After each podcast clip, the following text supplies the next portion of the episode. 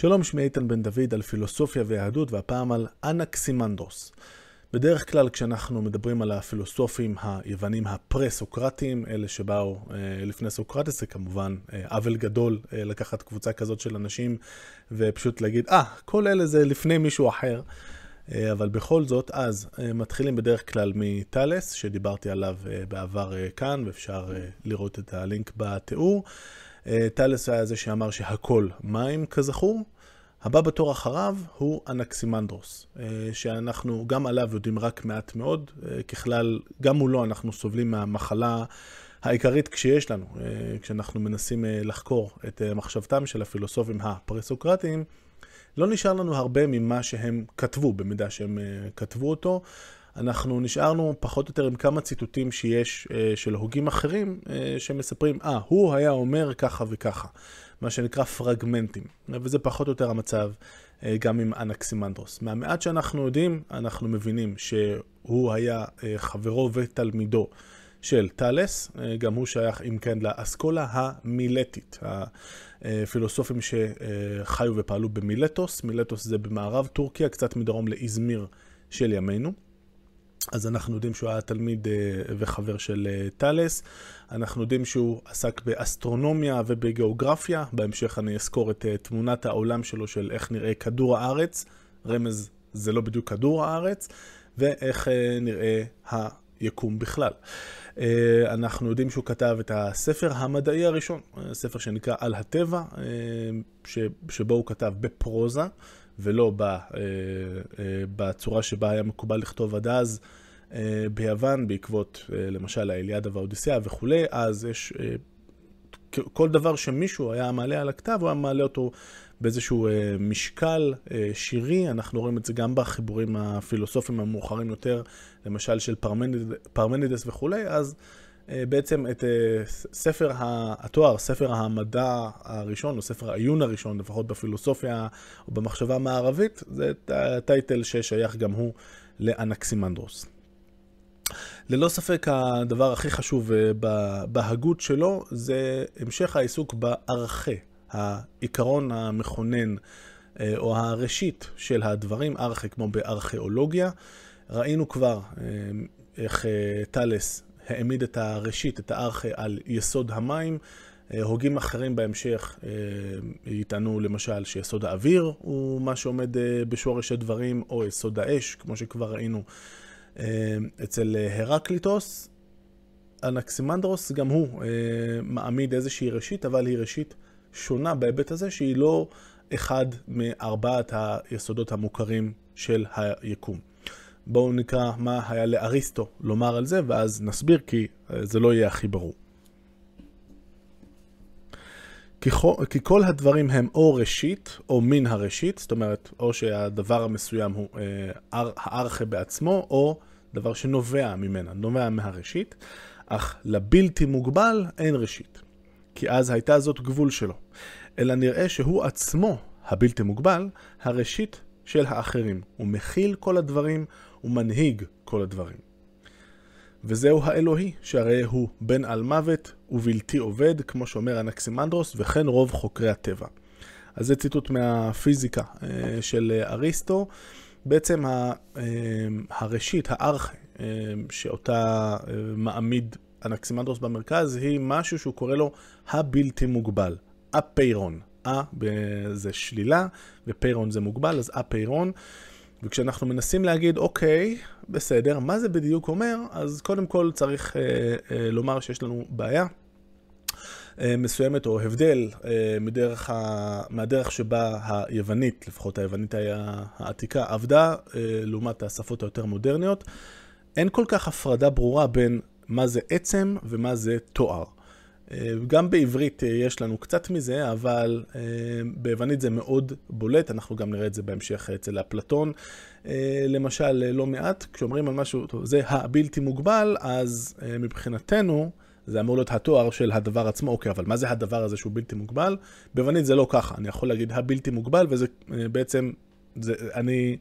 אני כאילו בסדר בהיבט הזה שגם ניסחתי פה גם שם עצם וגם תואר, זה פשוט עובד ביחד, אז זה קצת מבלבל. כשאנחנו מנסים לשחזר מתוך מה שאנחנו יודעים על תבניות החשיבה של היוונים, אה, בני זמנו של אנקסימנדרוס, שזה אומר פחות או יותר המאה השישית אה, לפני הספירה, אה, אז אנחנו יודעים לומר למשל שכנראה הם לא חשבו על אינסוף במובן של אינסוף חללי, זאת אומרת שהעולם למשל הוא אינסופי. לא הייתה להם בעיה עד כמה שאנחנו יודעים, ואנחנו גם נראה את זה בתמונת העולם של אנקסימנדרוס עצמו, להגיד שהיקום כולו בגדול בסופו של דבר זה סוג של כדור ולא נורא הטרידה אותם. שוב, כנראה השאלה, אוקיי, מה קורה אם אני מגיע לסוף של הכדור ואז הולך עוד מטר? מה קורה שם? זה כנראה פחות העסיק אותם. כנראה שהמשמעות של הבלתי מוגבל אה, זה קודם כל ההבנה שלא מדובר באף אחד מהיסודות האחרים, מכיוון שהיסודות האחרים, כמו שנראה עוד רגע, הם כן מוגבלים. אז הוא בלתי מוגבל. אה, כנראה שלפחות בזמן, זאת אומרת, הוא לא התחיל באיזשהו זמן מסוים והוא לא אמור לכלות, ראינו את זה במה שאמר אה, אריסטו על כך שהוא בלתי עובד והוא בן על מוות, אז קודם כל הוא בלתי מוגבל בזמן, אז זה, זה כנראה משהו שאנחנו כן יכולים, אה, זאת אומרת, כן להצביע על איזשהו אספקט של, ששייך למחשבה המודרנית שלנו, שאולי עוזר לנו להבין טיפה. או לנחש קצת למה בדיוק אנקסימנדרוס התכוון. כמובן, הכל היה הרבה יותר קל אם היה לנו, רק היה לנו בידינו את הספר שלו, אבל לרוע המזל, לפחות בינתיים, עדיין לא מצאנו. אם מישהו מוצא, תרימו טלפון. אז אמ, אנחנו מבינים שהוא לא אחד מהיסודות אה, בעולם, כי היסודות בעולם, אה, תכף גם תהיה את ההתייחסות שלו אליהם, אבל אה, זה משהו שהוא מאוד מקובל. ארבעת היסודות הם אש, אוויר, מים ואדמה.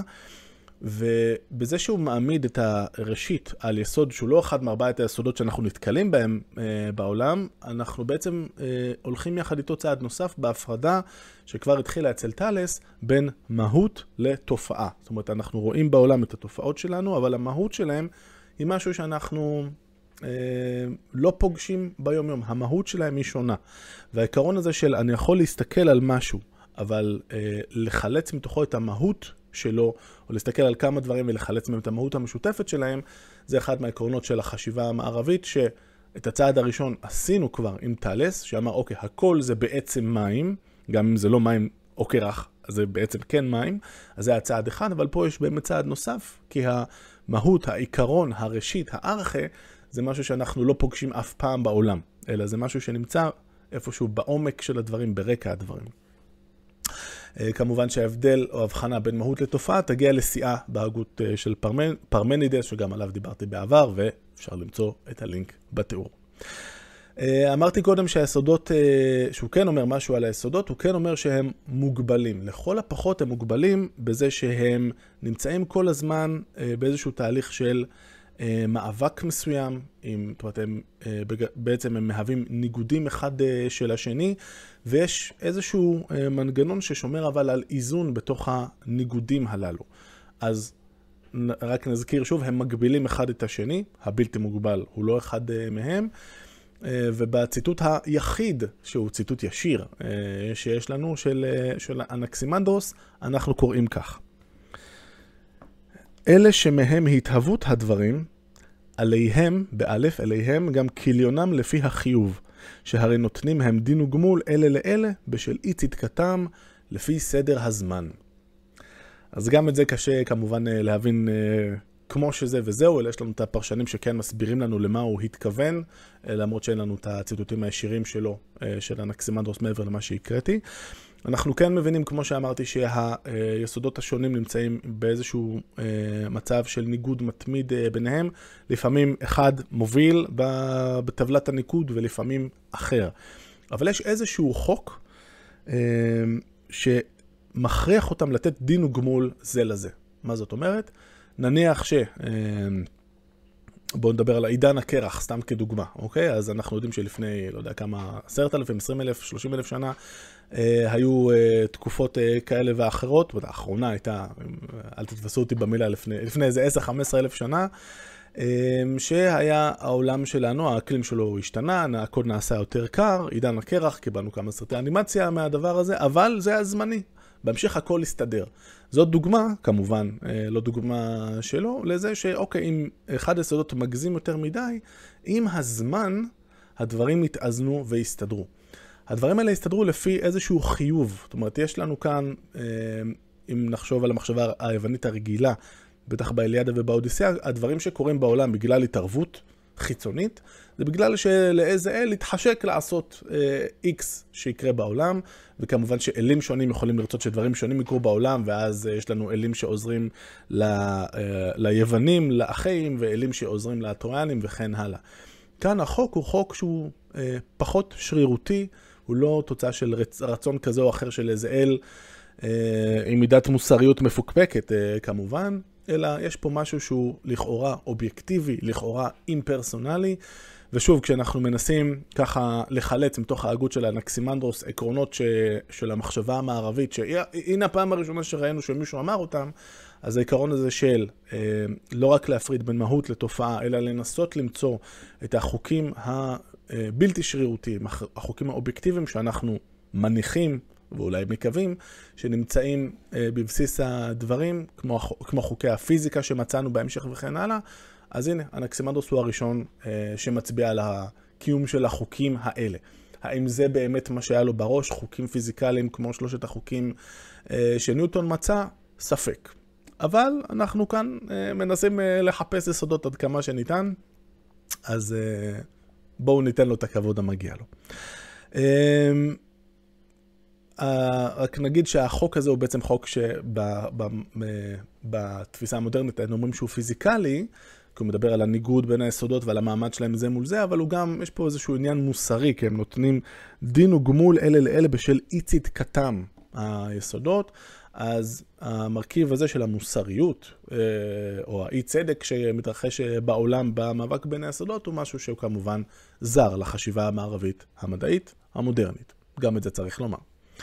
אה, עוד אה, שני דברים, אמרתי בהתחלה אה, שהוא עסק בגיאוגרפיה ובפיזיקה, אנחנו יודעים להגיד מה הייתה תמונת העולם שלו לגבי העולם. למשל, איך נראה כדור הארץ.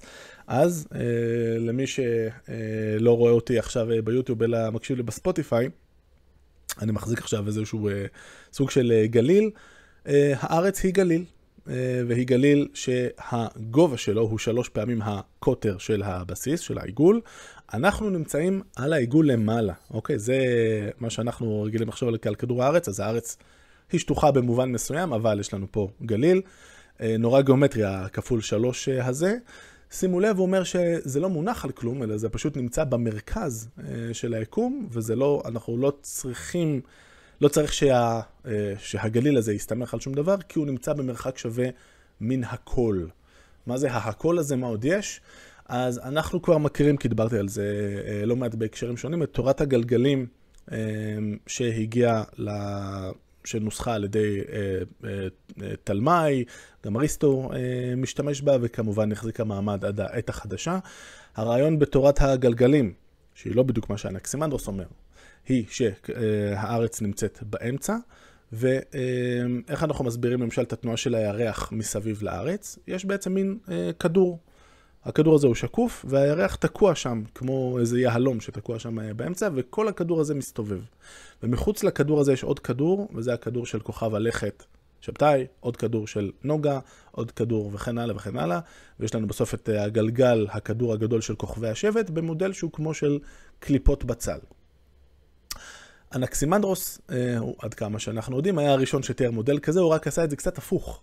ההפוך הזה הוא שהכל מבחוץ זה אש גדולה, כאילו השמש והכוכבים בעצם אש ענקית. הגלגלים האלה הם גלגלים שהם לא שקופים כמו במודל הקודם, הם היו שקופים והיו תקועים בהם כוכבים, אלא הם אטומים, הם שחורים ויש בהם חורים קטנים.